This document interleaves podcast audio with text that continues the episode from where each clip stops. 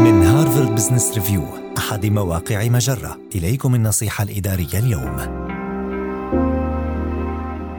مارس هذا التمرين لتهدئة التوترات بين أعضاء فريقك. تتطلب ثقافة العمل الصحية وجود نزاعات صحية، لكن قد يكون من الصعب جعل الخلافات مثمرة إذا كان الموظفون ينظرون إلى النزاع على أنه مشكلة شخصية فقط، لذلك ساعد فريقك في فهم أهمية وجود قدر معين من التوتر بين الأدوار المختلفة في العمل، وقد يكون هذا التمرين مفيداً. ارسم دائرة وقسمها إلى أقسام، قسم لكل دور، وناقش مع فريقك ما يلي: ما هي القيمة الفريدة لكل وظيفة؟ من هم أصحاب المصلحة الذين يخدمهم هذا الدور؟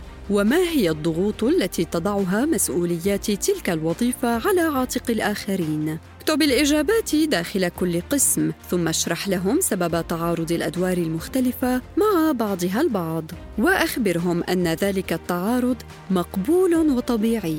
على سبيل المثال، قد تلاحظ وجود توتر بين إدارة المبيعات وإدارة العمليات لأن إدارة المبيعات تبحث عن حلول جديدة للزبائن بينما تحاول إدارة العمليات أن تبني الاتساق والكفاءة. وسيبدأ فريقك بذلك إعادة النظر في النزاع الذي وصفوه أنه احتكاك شخصي واعتباره توترا صحيا قائما على الأدوار.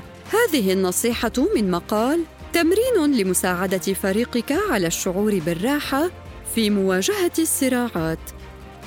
النصيحة الإدارية تأتيكم من هارفارد بزنس ريفيو أحد مواقع مجرة، مصدرك الأول لأفضل محتوى عربي على الإنترنت.